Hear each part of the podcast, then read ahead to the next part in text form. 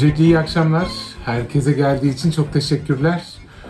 Gayet iyi bir kalabalık var pandemi koşullarına rağmen. Üstelik de İstanbul'un en soğuduğu günü seçmiş olmamıza rağmen herkesin ayağına sağlık. Valla bugün güzel aslında çok güzel bir etkinlik. Ee, çok teşekkürler öncelikle Çok teşekkür ederim. bunu organize ettiğiniz için. Çünkü e, bir yandan Emrecan'la beraber olmak benim için çok keyifli. Uzun zamandır bir arada değildik. Malum Stanford'da kendisi. O nedenle e, doktora çalışmaları nedeniyle e, biraz da ayrı da kalmıştık. E, bu son dönemde son 1-2 ayda sık sık görüşme şansımız olsa da yine yeniden e, görmek çok mutlu ediyor beni. E, tanıtmama aslında çok gerek yok herhalde. Aslında pek çok kişi en azından buraya gelen pek çok kişi tanıyor Emrecan'ı ama dediğim gibi Stanford'da hala eğitimi sürdürüyor. Ondan önce Ağustos'taki aslında yazılarından ve röportajlarından tanırsınız Emrecan Dağlıoğlu'nu. E, ki kendisiyle de bizim yolumuz orada kesişti aslında. Robert Koptaş döneminin Agos'unda biz beraber çalışma şansını elde etmiştik. Orada tanıştık. Sonra da uzun süreli dostluğumuz devam ediyor. Ee, bugün aslında şunun için de benim için çok keyifli. Çünkü e, bir yana o nedenle de çok teşekkürler. Beraber konuşma şansımız olduğu için. Çünkü e, benim yazdıklarımı Emrecan, Emrecan'ın yazdıklarını ben okuyorum çoğunlukla. Böyle bir aramızda e, şey olduğu için, diyalog olduğu için Profesyonel bir ilişki. profesyonel bir ilişki. Böyle bir ilişkimiz olduğu için o nedenle de ayrıca benim için de değerli ve güzel. Ee, bugün bir araya gelme vesilemiz e, Arapların 1915'i iletişim yayınlarından çıktı. Ee, kitabın özelliği benim için ne dersek ben şöyle bir parantez açayım. Çünkü bu kitabı aslında ilk Emrecan fikir olarak ortaya attığında ve seneler önce aslında bayağı uzun zaman Bayağı önce. uzun. Bayağı uzun. 7 yıl oldu. 7 yıl oldu. Bayağı engebeli olan bu sürecinde e, aslında bence öne çıkması gereken konu şu. E, malum aslında konuya geleceğim. İşte fail mi, fail mi yoksa kurtarıcı mı konularına geleceğim. Merak edilen taraflar belki o ama ben şu parantezi açmak istiyorum. E, bugüne kadar biz ağırlıklı olarak hep Ermeni soykırımı çalışmalarında şunu görmüştük işte 90'larda 2000'lerde özellikle Türkiye kamuoyunda da tartışılan haliyle Ermeni soykırımı var mı yok mu? İşte belge ispatı, e, belgesi var mı?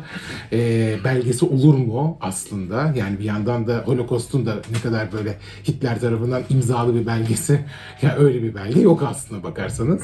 Ama işte biz nedense Ermeni soykırımının gerçek bir belgesi var mı? İşte Talat'ın imzalı ille de bütün Ermenileri öldürün gibi bir emrini, net emrini daha böyle hiç tartışmaya yer olmayacak bir emir olması gerektiğini düşünürcesine hep biz bunu tartıştık 90'larda, 2000'lerde. Ve literatür de aslında bu şekilde gelişti ne yazık ki. Hatta Türkçe literatürü hala biraz böyle ilerliyor demek çok da yanlış olmaz.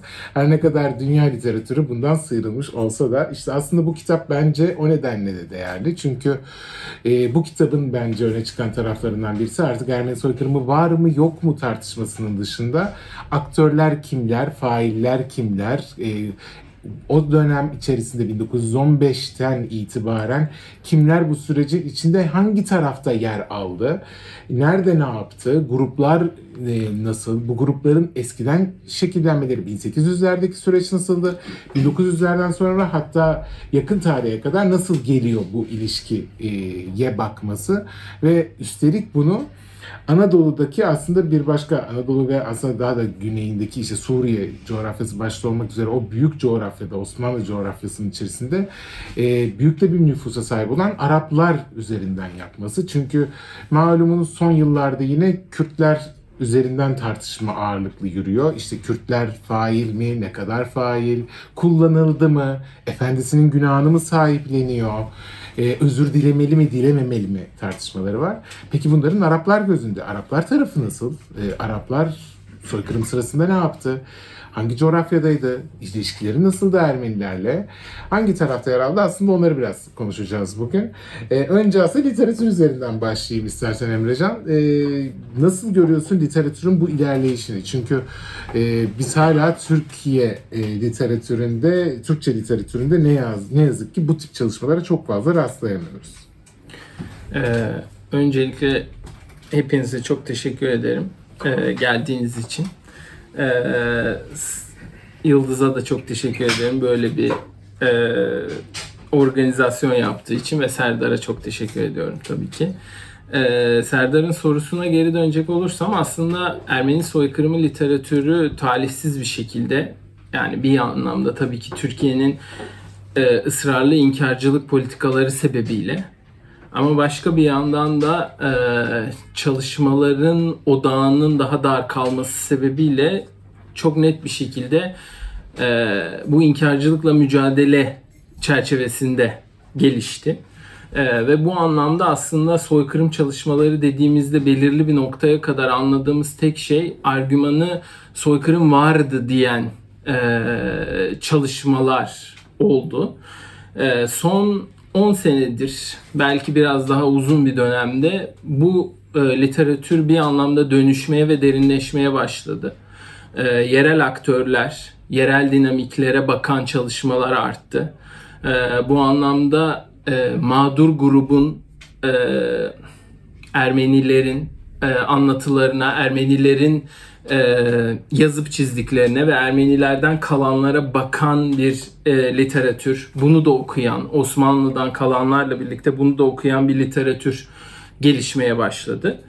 E, fakat yine de Serdar'ın dediği gibi tabii ki Türkçe'de e, ve Türkiye'de en azından siyasi olarak e, soykırım vardır demenin değerli sayıldığı bir noktadayız.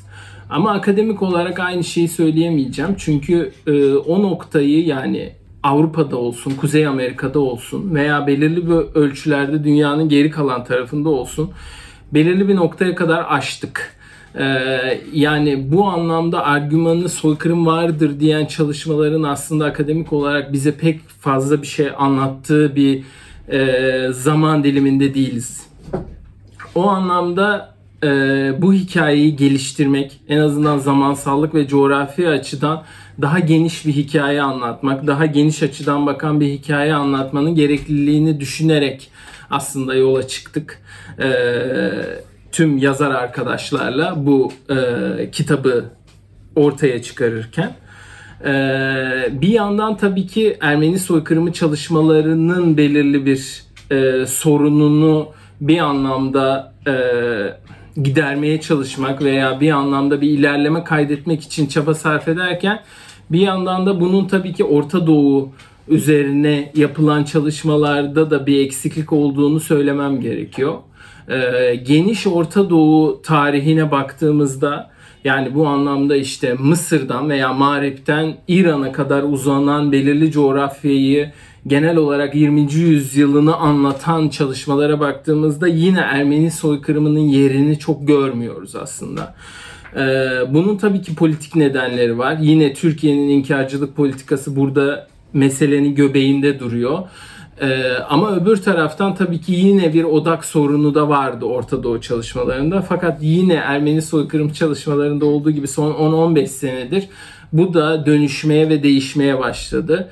Bu anlamda e, Orta Doğu çalışmaları dediğimiz şeyin odağı Araplardan, Arapça konuşan nüfustan çok daha geniş ölçüde Arapça konuşan nüfusun içinde yaşayan başka toplumlara veya onların tüm dünyayla, diasporalarıyla birlikte tüm dünyayla iletişimlerine ve etkileşimlerine bakan bir şekilde dönüşmeye başladı. Ve bu anlamda da bu dönüşüme, bu e, derinleşmeye literatürde katkı sunabilmek amacıyla aslında bu kitabı derledik. Bu kitabı ortaya çıkarttık. Umarım amacına ulaşmıştır diye düşünüyorum. Buradan bir virgülle ben şöyle dedim. Bu arada ben metodolojiyi anlatmayı unuttum tabii ki heyecandan. Çünkü benim Emrecan'ı görünce de yani şöyle bir şey yapalım dedik. Önce biz biraz soru cevap gideceğiz. Sonrasında sizlere e, sorusu olan katkıda bulunmak isteyen varsa onlardan rica edeceğiz. Bir de tabii başlangıç konuşmasını seni bulunca bayağı uzattım ama şey olarak da bir soru sorayım istiyorum. e, mesela kaynakların Arapça kullanımı da aslında Türkiye'de nedense bir soru işareti ve çok tartışmalı. Çünkü lafa gelince indiğinde işte 600 yıl 700 yıl beraber yaşayan topluluklar işte Türkler, Araplar işte biz kadim bir kardeşliğimiz var filan dense de mesela akademik dünyaya baktığımızda alıntılar üzerinden baktığımızda nedense İngilizce Fransızcanın hakim olduğunu Arap coğrafyasını okurken bile ağırlıklı olarak batılı kaynaklar üzerinden okuduğumuzu belki ifade etmek gerekiyor. Yanlışım varsa düzelt. İşin enteresan yanı Ermeni soykırımı konusunda da yine e, zaten Araplar aslında çok çalışılmış bir konu değil ama yine bu konuda işte az sonra geleceğiz mesela Arap tanıklar konusunda da yine aslında birinci elden çevirilerden çok biz hep İngilizce üzerinden ya da Fransızca üzerinden Arap kaynaklara ulaşmaya çoğunlukla e, yan, yanaşıyoruz her nedense. Bunu neye bağlamak lazım ve hani Türkiye'de neden akademik dünya Arapça kaynaklara uzak? Yani bunun aslında çok basit ve çok net bir cevabı var. Çünkü Türkiye'de Arapça bilen çok az insan var. Arapça okuyabilen, akademik Arapça okuyabilen, yani işte Fusha dediğimiz daha e, yüksek dili okuyabilen, yazı dilini okuyabilen ve bunu akademik olarak çalışmalarda kullanabilecek çok az insan var. E, Türkiye'de Arapça bir şekilde aslında neden olduğunu yani belirli tahminlerim var tabii ki ama neden olduğunu tam anlayamadığım şekilde bir anlamda İslamcılığa ve İslami kesime, muhafazakar kesime teslim edilmiş bir dil. Yani bugün şu anda belki işte Suriyeli mültecilerin gelişiyle bu hikaye biraz değişmiş olabilir tabii ki ama şu anda Arapça öğrenmek istiyorum ben diye yola çıksanız Türkiye'de e, tırnak içerisinde söylüyorum İslamcı kesimin içerisine girmeden bir ders alabileceğiniz, Arapçayı öğrenebileceğiniz veya konuşma şansı, değerli bulma şansını elde edebileceğiniz bir çevre yok Türkiye'de. Bunun çok net etkisi var burada. Bunun dışında e, elbette ki klasik bir şeyle yani batılı kaynakların e, daha üst görünen, daha prestijli görünmesi sosyal bilimlerde bu zaten çok genel bir sorundu belirli bir yere kadar tabii ki yani bir son 25-30 seneden itibaren yerel kaynakları yerel dillerde kullanmak ve o insanların anlatılarına, o insanların seslerine ses katmak elbette ki e, literatürün dönüşümünü sağlayan bir mevzu. Ama onun dışında Türkiye genelinde çok net bir şekilde Arapça bilmemek, bilen insan sayısının çok az olması ve e, bunun dışında da odağı her zaman Orta Doğu'nun dışında daha farklı yerlerde görmek genel anlamda sosyal bilimler için bence bu konunun en büyük sorunlarından birisi. Ama Ermeni soykırımı çalışmalarına geldiğimizde aynı sorunu tekrar görüyoruz. Ki Ermeni soykırımı çalışmalarında da Arapçayı bırakalım bir kenara. Ermenice'nin kaynak dili olarak kullanılması bile çok yeni aslında. Ee, bunu sadece işte e, Osmanlıca bilen, Türkiye'den çalışan bunu ve Ermenice öğrenmemiş akademisyenlerle sınırlamamak gerekiyor. Ermeni akademisyenlerin, Ermeni soykırımı çalışan Ermeni akademisyenler bile belirli bir yere kadar e, Ermenice kaynaklara bakmanın e, objektif tutumu sarsacağını düşünerek Ermenice kaynakları hiç kullanmadılar Ermeni soykırımını yazarken. Ee, ki bırakalım Arapçayı bir kenara. Ama yine dediğim gibi değişiyor, kesinlikle dönüşüyor. Ermenice ile Arapçayı birlikte kullanan kaynak, kaynakları birlikte kullanan çalışmaların sayısı artıyor. Ve bu anlamda kesinlikle o şeyin dönüşeceğini ve Arapçanın bir kaynak dili olarak hem Ermeni soykırımı çalışmalarına hem Türkiye tarihine hem Osmanlı tarihine geri döneceğini, tekrar gireceğini kesinlikle o anlamda umutluyum yani. Bu dönüşecek. Umudumuz bu olsun diyelim. Ee, aslında tabii ben şimdi konunun ana başlığından biraz saptım. Çünkü Emrecan'ı bulunca aslında Arap, Araplık, Arap kimliği bir yandan aslında onu da konuşmadan edemiyorum. Malum Nehne'ye biliyorsunuz. Evet. Kendisi çok yeni. kurucu ekibinden çok yeni. Ee, bu platformu da takip etmenizi e, tavsiye ederiz deyip çok iyi oldu. Küçük bir reklamı küçük bir reklamımızı yapalım. Ee, ama şimdi gerçek konumuza dönersek de e, şeyle başlayalım istersen. e, Araplar ve Ermeniler aslında Kürtler ve Ermeniler ilişkisinden biraz daha belki farklı. Çünkü e, Kürtlerin yoğun nüfus olarak yaşadığı yerler, Ermenilerin ağırlıklı nüfus olarak yaşadığı yerler birbirine belki daha fazla örtüşürken e, Arap nüfus biraz daha güneyde belki kalıyor. E, peki bu perspektiften baktığında e, ilişki 1915'te nasıl seyrediyor diye ben sözü sana bırakayım. Ee, yani şöyle e, Hamit Hoca'nın makalesi var kitapta. E, Hamit Hoca Hamit Bozarslan. Evet. e, Hamit Bozarslan'ın kitaptaki makalesindeki temel argümanı şu. Aslında Kürtler, Araplar ve Ermenilere İttihatçıların genel olarak nasıl baktıklarının bir serimini yapıyor. Ve burada iddiası Kürtlerin ve Arapların e, imparatorluk tahayyülünde, İttihatçıların imparatorluk tahayyülünde artık yer almadıkları ve belirli bir şekilde İttihatçıların bunları da dışarıda bırakmaya çalıştığını öne sürüyor Hamit Hoca.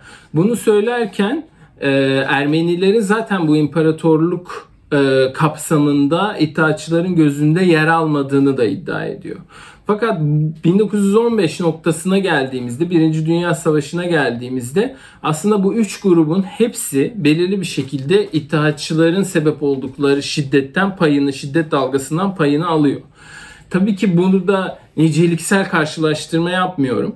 Ee, niteliksel olarak baktığımızda Hamit Hoca'nın iddiası da e, Kürtler ve Arapların e, belirli bir varlık gösterememesi e, ve bağımsız unsurlar olarak ortaya çıkamaması adına şiddet gördükleri, Ermenilerin ise tam anlamıyla yok edilmek e, sinin arzulandığı ve bu anlamda şiddet dalgasının onları vurdu. Bu anlamda e, aslında senin soruna cevap ver- vermek için elimizde çok yeterli çalışma olduğunu söyleyemem. Bu şeyde e, yani hakim grupla tırnak içerisinde kullanıyorum. Azınlık, sayısal olarak azınlıkta olan grup arasındaki ilişkiyi inceleyen bir sürü çalışma var elbette.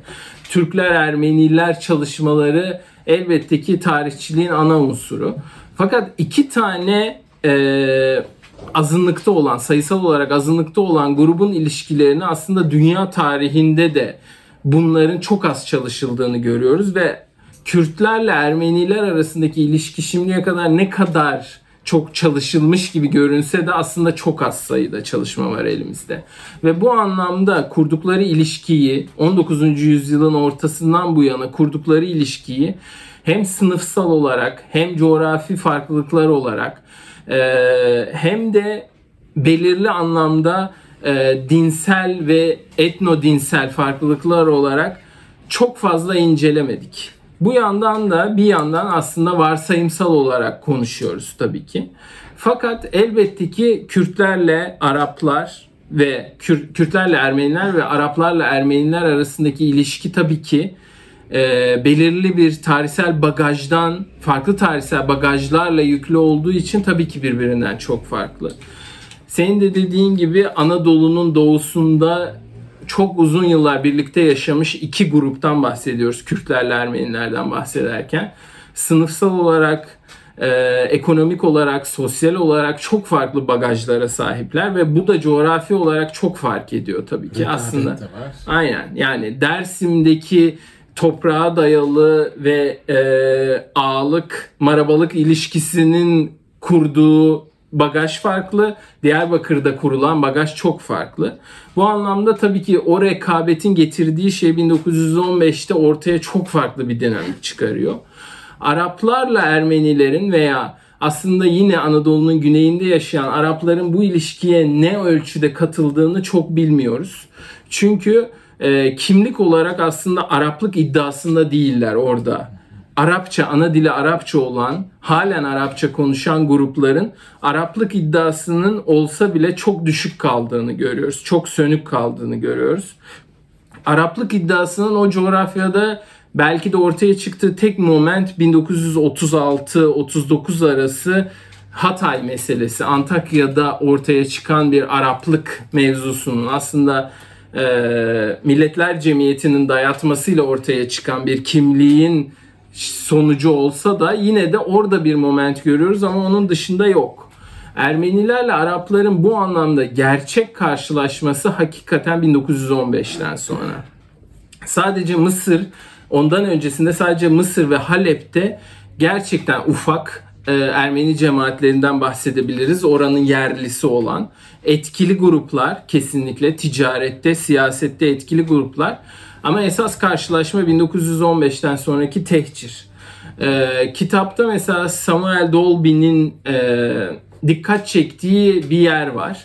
O da Ermenilerin aslında Anadolu'nun güneyinde yaşıyor olsa bile yani coğrafi olarak Suriye'ye çok yakın duruyor olsa bile Ermenilerin e, özellikle göçebeler, göçebe Araplar, Bedeviler, çöl e, ve güneye gitme den bahsedildiği anda 1915'te oranın tanınmaz, insanların hiç bilinmez ve bir şekilde kendi başlarına gelen felaketin sembolü olarak gördükleri bir hal olduğunu görüyoruz.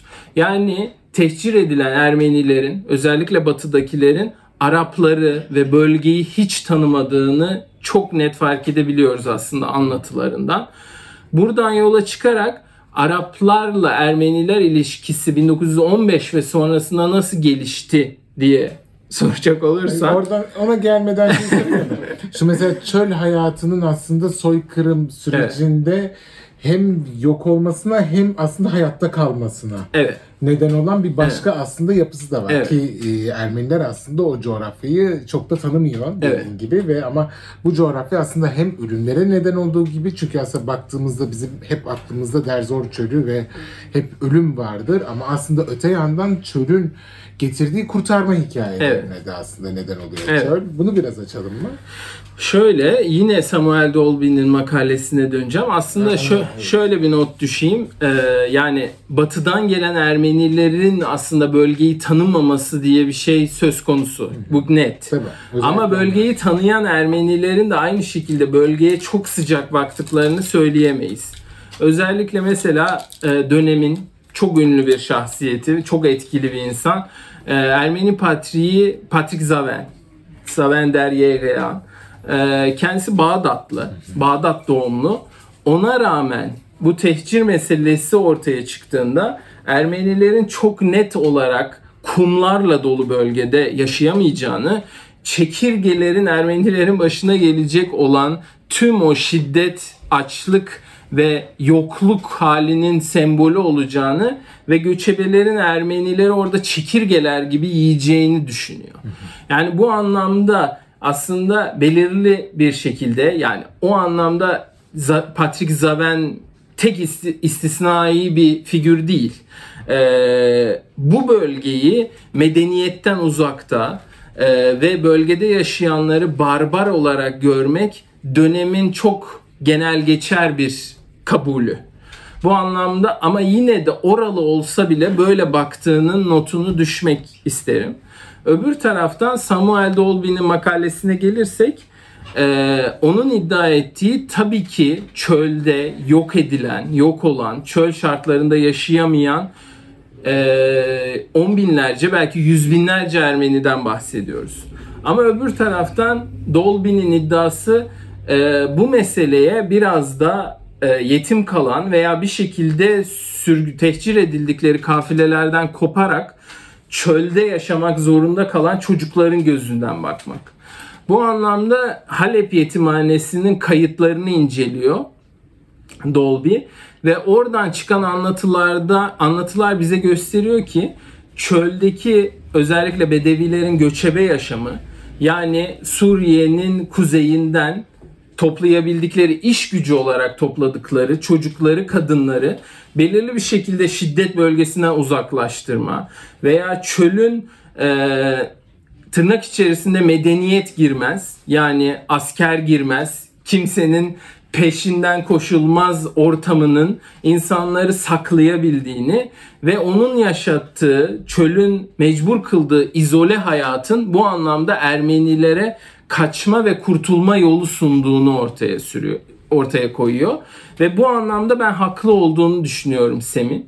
Tabii ki çöl bize literatüre baktığımızda da Ermeni soykırımı çalışmalarına baktığımızda da net olarak ölüm anlamına gelecek bir şekilde resmediliyor. Ki zaten bunu Ermeni çalışmalarına bırakmamıza gerek yok. Talat Paşa'nın kendisi bunun böyle olduğunu ortaya koyarak zaten bizim aslında farklı bir şey düşünmememize sebep oluyor ama öbür taraftan Sem'in gördüğü bu çölün yarattığı farklı dehlizlerin hayatta kalma şansını arttırdığını Ermeni çocuklarının özellikle özellikle erkek çocukların bu da çok net bir gerçek bence ve bu anlamda aslında coğrafyaya ve e, zamansallığına soykırımın farklı bir bakış açısı sunduğunu düşünüyorum. Seni sıkıştıracağım soruları sona bırakıyorum. Şimdi fark- birazcık olsun tansiyonu sona doğru yükselteceğim ben. Ee, malum yani aslında hepimiz bence e, yaşanan şeylerin gazete yansımalarında merak ederiz. Yani ben de açıkçası hep merak etmişimdir. Aslında bunu, bunu, bu çalışmanın aslında ilginç makalelerinden biri de aslında Arapça gazetelerde Ermeni soykırımı. Çünkü e, dönemi içerisinde ve sonrasında aslında neler yazıldı Ermeni soykırımı ile ilgili Arapça gazetelerde mesela bence en ilginç noktalardan birisi, en ilginç makalelerden birisi. Nasıl görüyor? Ee, şöyle şimdi aslında bu makalenin eksik bıraktığı bir yerden başlayayım. Makale e, belirli Arapça gazetelere bakıyor. Bu illaki Suriye'de yayınlanmasına gerek yok ama Suriye basını olarak tırnak içerisinde kurabiliriz ama diasporasında da. Yani Sao Paulo'da yayınlanan gazeteler de var bu makalenin bakış açısında. Ee, burada aslında bir yandan Nora Arisyan makalenin yazarı. Nora Arisyan Suriyeli bir akademisyen ve bir anlamda aslında Ermenilerin, Orta Doğu Ermenilerinin, Türkiye dışındaki Orta Doğu Ermenilerinin Ermeni soykırımına bakış açısını yansıtan bir makale. Yani bu anlamda aslında Arapların kurt, kurtarıcılığını, erdemliliğini ve Araplara karşı olan minnettarlığını ortaya koyan bir makale. Ve bu anlamda Ermeni soykırımına eleştirel bakan ve farklı yorumlayan gazetelere bakıyor. Ve onlara baktığında ortaya çıkan mesele şu. Aslında ben de makalemde değindim ona. Ee, bir, Araplar net bir şekilde Ermeni soykırımının benz şöyle başlayayım. Ermeni soykırımının ne olduğunun, tüm niteliksel ve niceliksel özelliklerinin 24 Nisan'la birlikte neler olduğunun tamamen farkındalar. Bu anlamda gazeteler haber geçmeye, kafileleri takip etmeye, kafilelerin başına neler geldiğine, 24 Nisan'da İstanbul'da neler olduğunu tamamen haberleştiriyorlar. Öbür taraftan Araplar bunu e, aslında Araplar diye genellememem gerekiyor. Osmanlı karşıtı Araplar baktığı gazetelerde bunu çok net bir şekilde bir korku iklimi yarattığını ve bu korku iklimini aslında şiddet dalgasının kendilerini vuracağı korkusunu, endişesini hissederek yansıtıyorlar. Bu da çok net.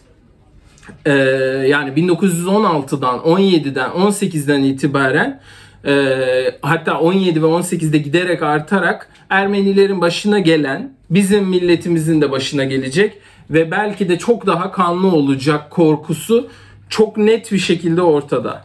Öbür taraftan 1918'den sonraysa e, bu gazetelerde şeyi görüyoruz. E, yani bu yaşanan trajedi, bu yaşanan şiddet inanılmaz büyük bir şeydi.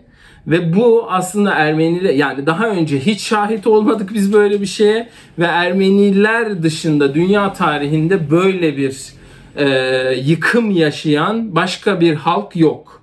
1918'den sonra anlatı bu anlamda dönüşüyor. Bunun tabii ki ideolojik sebepleri var belirli bir taraftan. Ama belirli bir taraftan da o duygusal birlikteliğin, o aynı kaderi paylaştığını hissetmenin ve o anlamda belirli korkuyu ve e, Ermenilerle dayanışma hissiyatını e, hissediyor olmanın özellikle Osmanlı karşıtı siyaseten orada duran, Osmanlı karşıtı duran Araplarda çok baskın ve yoğun olduğunu çok net bir şekilde görüyoruz gazetelerde. Burada küçük bir parantez açıp yine reklam yapacağım. Çünkü yine bizim aslında senle yaptığımız Agos'a e, bir çalışmada işte Pontus Rumların da aslında benzer bir korkuya sahip olduğunu yazmıştık. Çünkü e, o çalışmada Osmanlı zabıtlarında açık bu arada kaynak. Yani öyle çok özel arşive girmedik aslında gayet pdf'lerden okuyabiliyorsunuz. O açıdan gayet açık bir kaynağa sahibiz çok şükür. E, orada aslında Maliye Vekili Hasan Fehmi Bey de işte Ermeni tehcirini işaret ederek Pontus Rumların aslında direnişine neden olarak e, Ermeni tehcirini yaşamış ve görmüş olduklarını işaret ediyordu. Aslında bunun benzerini şeyde de görüyoruz. Soykırım sürecinde de ki Evet. sen daha iyi biliyorsun ama şimdi mesela Ankara Vukuatı kitabında biz e, şunu görürüz. Aras Yayıncılık'tan çıkan kitapta. O da bir görgü tanıklığına dayanıyor.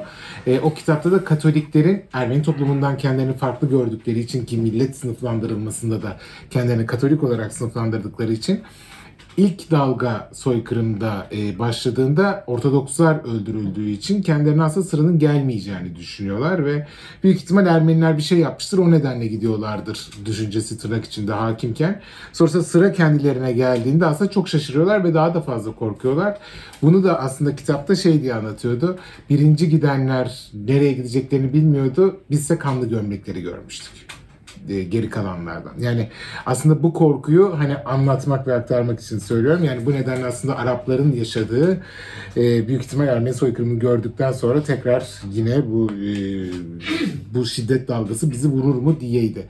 Yine kitapta aslında be- benim için yine ilginç olan noktalardan birisi Türkiye'deki aslında hain Arap bakışı ve o hani tırnak içinde hep Araplar bize karşı zaten bunlar böyle bakışının yanı sıra aslında son zamanına kadar da Osmanlı'nın yanında İstanbul yönetiminin hatta sonra Ankara'nın da yanında duran aslında bir Arap toplumunun da varlığı. Yani Evet. biz Araplar dediğimizde e, tek bir bakış açısı görmüyoruz. Benim senin de çalışmandan anladığım kadarıyla. Çünkü parçalı bir yapı.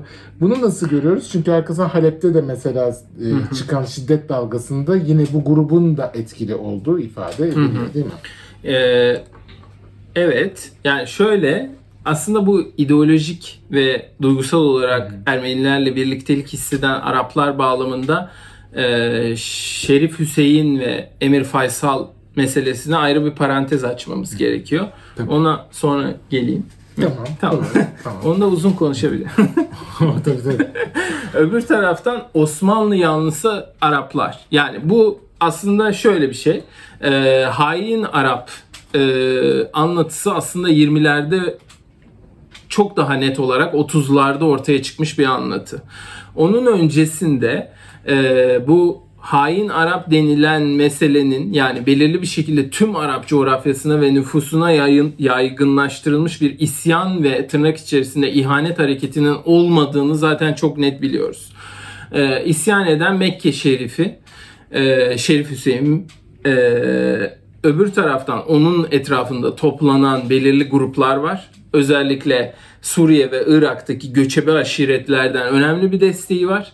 Fakat Mısır, Suriye, Irak, e, bugünkü Filistin, Ürdün buralardaki özellikle şehir tabakasından, e, şehirli elitlerden herhangi bir destek görmüyor. Ee, bu şehirli elitlerden özellikle Osmanlı'nın merkezinde eğitim görmüş. Abdülhamit'in 1892'de kurduğu aşiret mektebi vasıtasıyla yani Arap coğrafyasından aşiretlerden çocukları alıp e, Osmanlı Devleti'ne sadık bürokratlar yetiştirme maksadıyla kurduğu okullarda eğitim görmüş veya onun dışında bir şekilde İstanbul'u görmüş, eğitim almış bir sürü Arap seçkin, elit, entelektüel Osmanlı taraftarı. Ve Osmanlı taraftarı kalmayı çok önemli bir süre sürdürüyorlar. Yani bu 1918-19'dan sonra Osmanlı'nın yıkılmasından sonra bile Osmanlı taraftarlığının sürdüğünü görebiliyoruz bu anlamda. Ee, bu Ermeni soykırımı bağlamında ise bu isimlere dikkat çeken makale Keith Wattenpo'nun makalesi. Ee, Halep'li iki tarihçiye kronikler yazan, Halep tarihini yazan iki tarihçinin yazdığı e, yakın tarihli Halep tarihlerine bakıyor. Bunlardan birisi Rahip Tabak. Ee, Rahip Tabak e, çok önemli bir tarihçi. Kendisi de Halepli birisi ve aynı zamanda Müslüman, dindar, gayet dindar birisi. Ve bu anlamda aslında karikatürize edilen ve çerçevesi çok dar çizilen itaatçılık kalıplarına çok uymayan bir adam. Ama Halep tarihini e, bizim 3. Ordu kumandanı olarak tanıdığımız Mahmut Kamil Paşa üzerinden 1. Dünya Savaşı'nın hemen öncesi ve 1. Dünya Savaşı'nın tarihini e, Mahmut Kamil Paşa'nın serencamından yazıyor. Mahmut Kamil Paşa da Halepli, Arap, e, Enver Paşa'nın Mustafa Kemal'in okul arkadaşı. Askeriyede çok önemli rütbeler edilmiş. Balkan Savaşı'nda kahramanlaşmış. Ve ondan sonra nihayetinde 1. Dünya Savaşı'nda 3. Ordu Kumandanı olarak e, Erzurum ve civarına atanmış. Çok üst rütbeli bir asker. Mahmut Kamil Paşa'yı aslında Ermeni soykırımı anlatılarına aşina olanlar şuradan hatırlayabilirler. Meşhur e, Ermenilere yardım eden herkesin herkes evinin önünde dar ağacında asılacak ve evleri yakılacaktır talimatının altındaki imza Mahmut Kamil Paşa'ya ait. Burada Tabağ'ın Mahmut Kamil Paşa'yı büyük bir kahraman olarak ve yücelterek Ermeni soykırımında yaptıklarını, Malta'ya sürgününü ve neden olduğunu görmezden gelerek yazdığı bir tarihi okuyoruz aslında bir yandan. Öbür taraftan da ikinci kronikçimiz Kamil El Gazi. Gazi de çok net bir şekilde tam da senin işte getirdiğin o Halep katliamı 28 Şubat 1919'daki Halep katliamını e, çerçevelendiren bir Halepli tarihçi ve çok net bir şekilde Ermenileri suçluyor. Bu Açalım mı o katliamı? Tabii ki. E, 28 Şubat 1919 tarihsel olarak bilgi vereyim. Halep e, Emir Faysal kuvvetlerinin elinde. Yani bu anlamda Osmanlı karşıtı Araplar ve onunla birlikte olan İngiliz kuvvetleri yönetiyor Halep'i. Ee, eğer tarihsel olarak yanılmıyorsam o sırada Faysal Paris'te barış görüşmeleri için e, bir Arap krallığı tüm Orta Doğu coğrafyasını neredeyse kapsayacak bir Arap krallığı kurmaya çalışıyor. Bu sırada aslında bir e, nasıl diyeyim yani gündelik bir tansiyonun yükselmesi sonucu Müslüman Arapların Ermeni esnafa ve daha sonra Ermeni mahallesine saldırdığı bir ve nihayetinde yani çeşitli şeyler var ama yüzlerce Ermeni ölü bıraktığı arkasında bir katliamdan bahsediyoruz. Bu anlamda aslında daha önce görülmemiş ve şok edici bir şey. Ee, yani Faysal kuvvetlerinin yönettiği bölgelerde görülmemiş ve şok edici bir şey. Çünkü birazdan belki geliriz. Faysal kuvvetleri aslında çok ciddi şekilde Ermeni yanlısı siyaset izliyorlar. Ee, bu anlamda nihayetinde ama çok net bir şekilde cezalandırıyor failler. Hatta belki de aşırı bir şekilde cezalandırılıyorlar. 35 kişi derhal idam ediliyor. Faysal'dan tutalım e, Halep müftüsüne kadar herkes bu katliamı kınıyor. Ee, daha da ötesinde yaratılan bu toplumsal yaranın iyileştirilmesi için derhal bir toplumsal e, tüm öznelerin temsilcilerinin olduğu bir komisyon kuruluyor. Bunların aldıkları kararlar uygulanıyor ve aldıkları kararlardan birisi eğer yanılmıyorsam çok kısa süre öncesine kadar Halep'te halen gelenek haline gelmiş bir karar. Haham'ın, e, Ermeni rahibin, e, tüm Hristiyan rahiplerin daha sonra ve tüm e, İslam mezheplerinin temsilcilerinin, din adamlarının bulunduğu bir komite her ay birisinin ev sahipliğinde toplanıyor. Dertlerini, tasalarını ve e, şehirde nelerin düzeltilmesi gerektiğini birlikte konuşuyorlar ve belirli kararlar alıyorlar. Bu tabii ki bağlayıcı kararlar değil ama toplumsal birlikteliği sembol haline getirmesi anlamında kurulmuş bir komiteden bahsediyoruz. Ve nihayetinde aslında hesaplaşılmış, e, kapatılmış, belirli bir şekilde Ermenilerin zararları tabii ki e, ölenlerin dışında tazmin edilmiş ve bu anlamda kınanmış, failleri cezalandırılmış bir olaydan bahsediyoruz. Aslında bu açıdan belki biraz Holocaust sonrasındaki pogromlardan belki biraz ayrışıyor. Çünkü Polonya başta olmak evet. üzere Holocaust sonrasında da aslında Yahudiler pek çok yerde pogroma uğruyor. Bu aslında o yani en azından soykırıma uğrayan bütün halklar için Ermeniler olsun, Yahudiler olsun bu tip pogromlar aslında çok daha korkutucu. Çünkü soykırıma uğradıkları büyük şiddet dalgasının arkasından normal yaşama tırnak içinde geçmeye başladıkları dönemde yine yeniden ikinci bir aslında sarsıntı.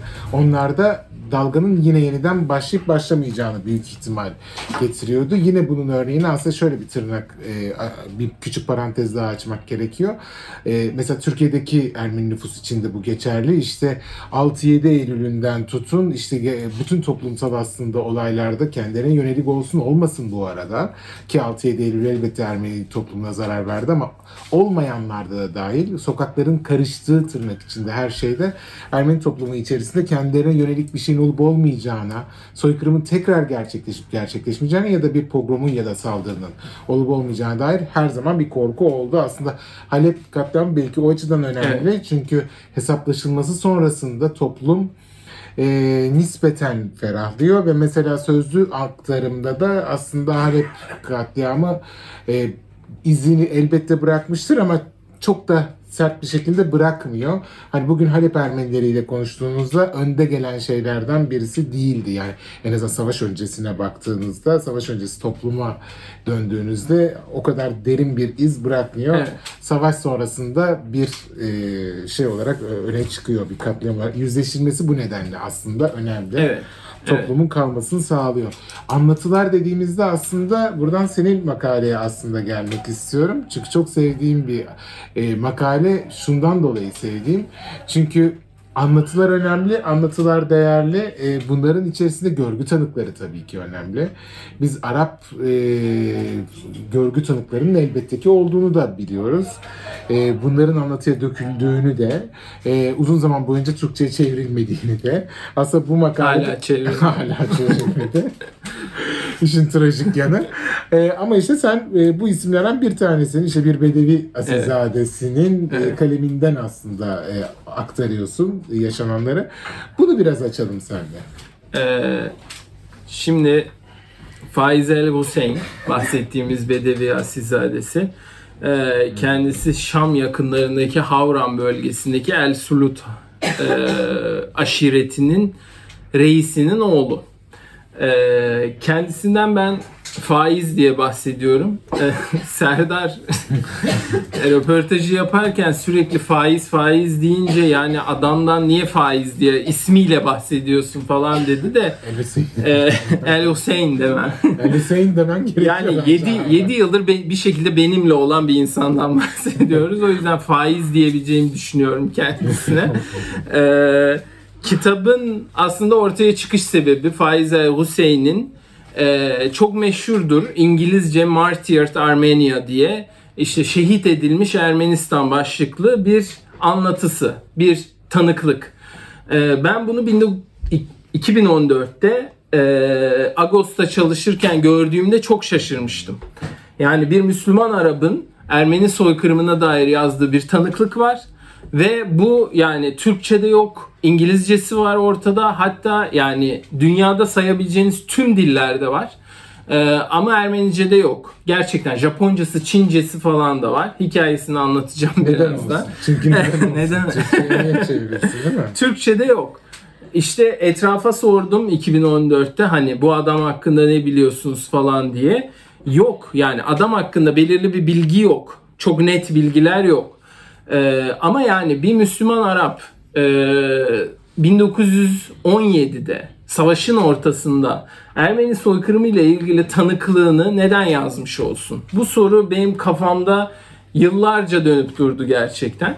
Ve nihayetinde bu kitabın ortaya çıkmasının sebebi aslında bu soru bir yandan da. Faiz biraz önce bahsettiğim aşiret mektebinde okumuş bir insan. Biraz önce Osmanlı yanlısı olarak bahsettim aşiret mekteplerinin e, mezunlarından. Faiz bunun tek istisnası. E, aşiret mektebine gitmiş. Aşiret mektebinden sonra bürokrat olarak yetişmek için iki yol seçebiliyorsunuz. Bunlardan birisi mülkiyeye devam etmek. Mülkiyede de bir yıl eğitim görmüş. Mülkiyeyi birincilikle bitirmiş bir insandan bahsediyoruz. Daha sonra e, devlet bürokrasisindeki kariyeri başlıyor. Belirli Suriye'de mahiyet memurluğu yapıyor. Daha sonra dönüyor ve nihayetinde Akdağ Madeni'nin kaymakamı 1912'ye geldiğimizde de Kahta kaymakamı faiz. Kendi anılarında bu arada iki cilt anısı anıları var. Arapça yazdığı. Ee, Türkçe olarak söyleyeyim Arap devrimi hatıraları. Bunun Arapçasının ismini den aslında yüzlerce hatırat bulabilirsiniz Arapçada. Çünkü herkes Arap devrimindeki hatıratlarını yazıyor. Arapların o dönemi yaşayan, Osmanlı'ya karşı isyanı yaşayanların. Ee, bu anlamda faiz 1912'de sopalı seçim denilen seçimlerde iddiaçıların onu hileye zorlamasından şey yaparak ikrah ederek nihayetinde istifasını veriyor. İttihatçıların seçimi kazanmasından sonra. Faiz daha sonra Şam'a dönüyor. Arap reformistlere katılıyor. Ve bu anlamda aslında Arap reformistleri genelde literatür Arap ayrılıkçısı olarak görür. Yani nihayetinde Cemal Paşa'nın astığı 32 kişiden bahsediyorum. Ee, o dönemin içerisinde 1914, 15, 16 aslında ayrılıkçı değiller bu insanlar. 1914'te İttihatçılarla reform anlaşması imzalamış ve Osmanlı'yı dönüştürmeye çalışan insanlardan bahsediyoruz. Faiz de bunlardan birisi. Nihayetinde 1914'e gelindiğinde ve savaş çıktığında ve nihayetinde Kanal Seferi'nde Cemal Paşa başarısız olduktan sonra Arap reformistlere karşı operasyonları sırasında ilk tutuklanan kişi Faize Hüseyin. E, Faize Hüseyin aleyde yargılanıyor reformistlerle birlikte. Daha düşük profilli bir insan olduğu için sanırım büyük ihtimalle idam edilmiyor ve sürgün ediliyor. E, sürgün yeri aslında Erzurum. Fakat e, tarihi kontrol etmem gerekiyor. Evet, Ağustos 1915'te. Ağustos 1915'te Diyarbakır'a vardığında Erzurum e, Rus kuvvetlerinin eline düştüğü için Diyarbakır'da kalıyor. Belirli bir süre hapis yatıyor ve daha sonra serbest bırakılıyor ama Diyarbakır'da kalması şartıyla ve yaklaşık 3 ay Diyarbakır'da kalıyor. Diyarbakır'da kaldıktan sonra bir şekilde şehirden kaçıyor. Şubat 1910 6. 6. Evet. Şubat 1916'da ee, bir dakika tekrar kontrol edeceğim. evet. Şubat 1916'da şehirden kaçıyor. Yürüyerek Nasriye, Basra'ya gidiyor ve Basra'ya ulaştığında faizi orada karşılayanlardan birisi nihayetinde tanıştığı aslında İngiliz kuvvetlerinin önemli istihbarat e, kumandanları aynı zamanda askeri görevliler bunlar. Percy Cox'la e, Gertrude Bell. E, bunlarla bir isim bu arada. Evet. Bunlarla karşılaştıktan sonra nihayetinde bir şekilde anladığım kadarıyla hikayesini anlatıyor bu insanlara ve bunlar da diyor ki bunu niye yazmıyorsun?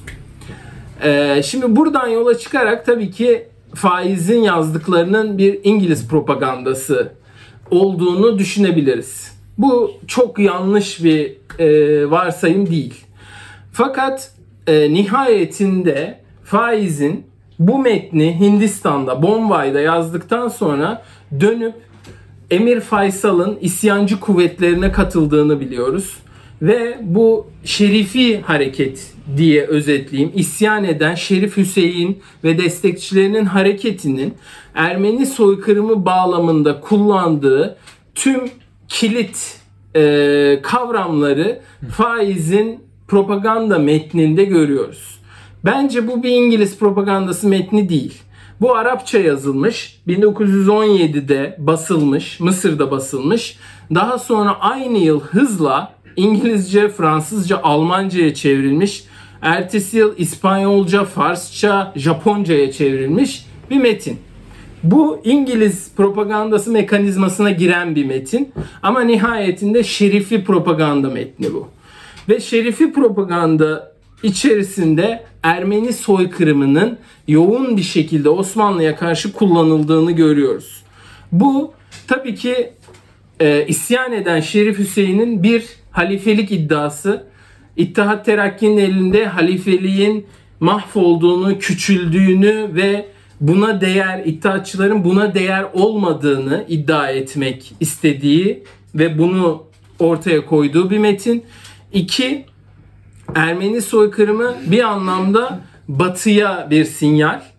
Doğru Müslümanlığın yani Doğu Hristiyanlarına dokunmayan, barış içerisinde yaşatan ve onları koruyup kollayan Müslümanlığın temsilcisinin kendisi olabileceği iddiası ve 3 Ermenilerin tabii ki bir nüfus grubu olarak demografik değişimden sonra Arap diyarlarında yaşayacağını ve kendilerinden yana tavır koyan siyasi özneler olmasını isteyen bir bakış açısından ortaya çıkıyor. Ee, Şerif Hüseyin'in hemen bağımsızlık ilan ettikten sonra Ekim 1916'da kral ilan eder kendisini. Pardon hemen önce bir ay önce Eylül 1916'da ikinci bağımsızlık bildirgesi vardır. Burada Ermenilerin, İttihatçıların elinde zulüm gördüklerini çok net bir şekilde bağımsızlık bildirgesinde yazar. E, hatta bunun Osmanlı arşiv belgelerinden biliyoruz. Talat Paşa'nın bundan çok rahatsız olduğunu ve e, eşkıya Hüseyin Ermeniler hakkında konuşmaya başladı diye içinde yer alan bir telgrafı olduğunu biliyoruz. Hemen Aralık 1916'da. Daha sonra e, tabii ki bir e, siyasi konsolidasyon yapamıyor Ermeni e, Şerifi hareketi. Tüm Orta Doğu'yu kapsayacak bir Arap krallığının e, rızasını ne Araplardan alabiliyor ne de e, o coğrafyadaki başka toplumlardan. Ama 1917'de Şerif Hüseyin'in bu sefer tüm Araplara yönelik hatta tüm Müslümanlara yönelik çünkü o sırada artık kendisini kral ilan etmiş ve bir halifelik iddiası da var. Tüm Müslümanlara yönelik bir emir yayınlıyor ve burada diyor ki Ermenilere kendinizdenmiş gibi davranın. Onlara zarar vermeyin, onları koruyun ve zararlarını tazmin etmeye çalışın diye. Arap tarihçiler bu bildirinin Ermenilere yönelik tavrın yumuşaması Bedevilerde ve göçebe aşiretlerde bile Ermenilere yönelik tavrın yumuşamasında çok etkili olduğunu söylüyorlar. Ee, yani burada bir soru işareti koyabilirim ama öbür taraftan Şerifi hareketinin göçebe aşiretler üzerindeki etkisini düşündüğümüzde bunun etkili olduğunu aslında bir yere kadar tabii ki iddia edebiliriz. Ee, bunların hepsinin belirli ideolojik sebepler ve ölçülü biçilmiş şeyler olduğunu iddia ediyormuş gibi e, konuştum. Ama nihayetinde bunu öyle görmeyen tarihçiler de var. E, Orta Doğu tarihçisi çok ünlü Usama Maktisi son yazdığı kitabında Arap milliyetçiliğinin imparatorluğun kuzeyindeki milliyetçiliklerden e, daha farklı geliştiğini, daha kapsayıcı, tırnak içerisinde kendi deyimiyle daha ekümenik bir milliyetçilik olarak geliştiğini ve bu anlamda 1860'lardan e, sonra büyüyen Arap milliyetçiliğinin şiddete meyyal olmadığını ve diğer grupları da kendi içerisinde barındırabilir bir ortam yarattığını söylüyor. Ee, bu anlamda bunun da payı olabileceğini düşünebiliriz aslında. Şerif Hüseyin'in yarattığı ortamın ve ortaya koyduğu Arap milliyetçiliğini böyle de görebiliriz. Ama tabii ki buna da şerh koyuyorum bir yandan. Ee, ama nihayetinde tüm hikayeyi şey yaptığımızda, ortaya koyduğumuzda Ağustos 1920'de Emir Faysal Arap Krallığını ilan edip daha sonra bu Arap Krallığı Fransız mandası tarafından ezildiğinde dahi yani Ağustos 1920'ye kadar bu şerifi hareketin, Faysal'ın krallığının o coğrafyadaki Ermenilere çok net bir şekilde kuzeyindeki milliyetçilikten veya e, emperyalist güçlerin çıkarcılığından çok daha farklı davrandığını çok net söyleyebilirim. Ama bunu tüm Araplara, Araplar diye çok geniş bir kategoriye ikame edemeyiz. Bunu da şerh düşmüş olayım. Şimdi göz teması kuruyorum çünkü soru olarak çünkü... bir başka şey geçeceğim. Son soru merak ettim. Sonra soru cevabı geçeceğim. Ee, Şerifi propagandayı aslında biraz açmanı isteyeceğim. Çünkü Şerifi propaganda e, soykırımın dinamikleri neye temellendiriyordu? Yok getirmek istiyorum. Çünkü oradan da e, sen bunu kısa cevaplarsan üstüne bir bağlantılı bir sorum olacak. Çok kısa cevaplayayım. Şerifi propagandanın çok net Ermeni soykırımını araçsallaştırılmasındaki amacı dediğim gibi batıya karşı kendisini doğru Müslüman güç olarak göstermek. Yani bu şiddetin kaynağını tabii ki Batı dünyasına baktığımızda şiddetin Ermenilere yönelik şiddetin kaynağı çok net bir şekilde İslami barbarlık. Müslümanlıktan gelen, Müslümanlığın özünde olan bir barbarlık ve şiddete meyilli olma hali. Medeniyetten uzaklık. Bu anlamda şerifi propagandanın amacıysa bu parantezde bu hikaye anlatısından İslam'ı çıkarıp yani bunun Müslümanlıktan gelen bir e, medeniyetsizlik değil de Türklükten gelen, Moğol atalarından gelen, Tatar atalardan gelen bir medeniyetsizlik ve şiddete meyal olma hali olduğunu göstermek. Temel amaç ve kullanılan diskur bu yönde. İşte buradan aslında şeye gelmek istiyorum. Çünkü aslında hepimiz biliyoruz ki aslında soykırımların nedenleri aslında halkların böyle özellikleri değil. Daha çok ekonomik e, araçlar aslında oluyor. Ben buradan bir parantez açıp aslında sana şunu sormak istiyorum. E, acaba Ermeni soykırımında toplumların e, davranışlarını zaten belirleyen de daha çok bu olmadı mı? İşte mesela Kürtlerle Ermeniler ilişkisinde fail diyebileceğimiz kısma daha fazla kesimin girmesi ki Burçin Gerçeğin kitabında vardır. Burçin hep şunu söyler Kürtler e, keşke kurtaranlar daha fazla olsaydı zaten yeterince karşı durulabilseydi zaten soykırım olmazdı. Tarih farklı işlerdi. Çünkü coğrafyadaki ağırlıkları ve İstanbul'dan gelen her emrin bölgede uygulanamadığı bir gerçek. Bu parantezi açmak gerekiyor. Benzer şekilde aslında Araplarla Ermeniler arasındaki karşılaşmanın farklı olduğunun belki notunu düşmek gerekiyor. Çünkü Kürtlerin karşılaştığı Ermeni soykırımı sürecinde paylaşılabilecek mal mülk var e, Arapların karşılaştığı özellikle sizin kitabınızın odaklandığı e, tehcir bölgelerine baktığımızda ise güneye inen mülteciler ve fakir her şeyleri elinden alınmış artık e,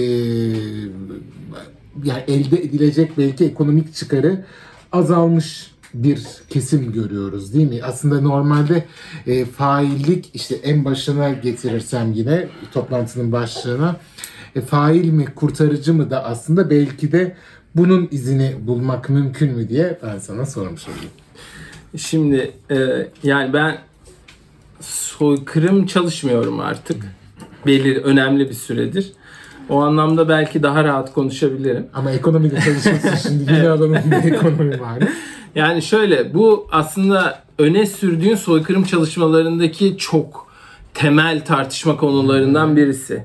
Yani ekonomik unsur ne kadar etkili? Fai şöyle geleyim. Birincisi en büyük tartışma konularından birisi fail, izleyici ve kurban gibi üç net e, gruplama üzerinden, kategori üzerinden soykırımları düşünebilir miyiz? ben düşünemeyeceğimiz tarafında yer alıyorum. Çünkü bu pozisyonların soykırım gibi e, şiddetin çok yoğun olduğu ve dakika dakika şiddetin artıp azaldığı bir ortamda an be an değişebileceğini düşünüyorum. Bu bunun örnekleri çok fazla zaten. Yani sadece ben düşünmüyorum bunu tabii ki. Ee, ikincisi ekonomik unsur bu anlamda ne kadar rol oynuyor? Bu da çok net bir şekilde bir tartışma konusu. Aslında faili o anda soykırım suçuna iştirak edeni, faal olarak iştirak edeni motive eden şey ne? Bu çok büyük bir soru ve hala cevabını çok net bulabilmiş bir soru değil. Ee, o anlamda mesela Ruanda soykırımına baktığımızda Ruanda soykırımının şöyle bir şey var. E, avantajı tırnak içerisinde avantajı var. Çünkü failler yaşıyorlar hala ve faillerle konuşulabiliyor. Faillerle konuşmanın arkasından çıkan sonuçların şu olduğunu görüyoruz bir grup normunun şiddet uygulamanın bir grup normu haline gelmesi ve o grupta yer alabilmenin şiddet uygulamaktan geçiyor olması insanları motive eden unsur. Öbür taraftan Holocaust e, çalışmalarının en büyük tartışma konularından birisi antisemitizmin oynadığı rol. Ee, çok net bir rol mü oynuyor antisemitizm? Bu işin göbeğinde mi? Yoksa antisemitizm bu işi meşrulaştırmak için mi bir rol oynuyor? Aslında motive eden şey değil mi insanları? Bu anlamda ekonomik unsur da aynı şekilde bir tartışma konusu. İnsanları öldürdükleri için mi insanlardan çalabileceklerini çalıyorlar yoksa çalmak için mi öldürüyorlar? Bu anlamda çok karmaşık bir sürecin sonucu da insanlar şiddet uygulamaya karar veriyorlar aslında ve bu anlamda hani Araplarla Ermeniler ilişkisinde ekonomik unsurun ne kadar rol oynadığını tam bilemiyoruz tabii ki. Ama tam da senin dediği bu anlamda bence bir tehlikeli şeyi var. E, veçesi var Ermeni soykırımı bağlamında. Ekonomik unsurun bu işin göbeğinde olduğunu nihayetinde anlatının göbeğine ekonomik unsuru koymak e, zengin Ermeniler tabii. anlatısını güçlendiriyor sürekli. Halbuki zengin Ermeniler e, toplumun diğer unsurları gibi ne kadar zengin Rum varsa toplum içerisinde yüzdesi ne kadarsa yüzdesi ne kadarsa zengin Türklerin zengin Ermenilerin yüzdesi de o kadar ve çok kısıtlı. Bu anlamda Ermenilerin orta sınıflaşması belki daha yüksek Müslümanlardan ama zenginleşmesi daha yüksek değil. Ve bu anlamda burayı besleyen bir anlatı ortaya koyuyor aslında ekonomik unsuru bu işin göbeğine koymak. Bunu aslında ekonomiden çok aslında belki çıkar demek daha doğru. Evet, Çünkü yani- şu var yani işte mesela cezasızlıkta bize bunu konuşuyoruz ya mesela bugün e, işte mültecilerle ilgili de mesela hep o konuşulur. Yani Türkiye dünya ile arasında kırmızı kalın bir perde çekse bir iki gün verse ve cezasız olacaksınız. Mültecilerin elinden her şeyini alabilirsiniz dense masum çok az insan kalır malum yani çoğunluğun dinamiklerinde ne yazık ki aslında çıkar olduğunda bu sadece mal mülk değil işte mesela soykırım sürecinde tecavüz var istismar var hani pek çok şeyi görüyoruz. Hani belki sadece ekonomi değil ama çıkarı yerleştirdiğinizde ve cezasızlığı yerleştirdiğinizde belki toplum dinamiklerinin daha yok edici hale geldiğini belki görüyoruz Evet. diyebiliriz. Yani e, Marksist bir tarihçi olduğumu ifşa etme pahasına bence doğru bir ortam onu ifşa etmek için. E, bu anlamda emeğin de yer değiştirdiğini, Tabii. emeğin de transfer edildiğini ve o emek gücünün de belirli bir şekilde e, yerinden oynadığını ve bu anlamda hani yoksulluğun dahi çalındığını Tabii. bir şekilde söylememiz gerekiyor. Sadece bu anlamda sermaye, zenginlik değil. Aynı zamanda yapabiliyor olma bilgisinin ve emek gücünün de çalındığını söyleyebilmemiz gerekiyor bence. Vallahi çok teşekkürler diyeyim Ben ben. çok teşekkür ederim.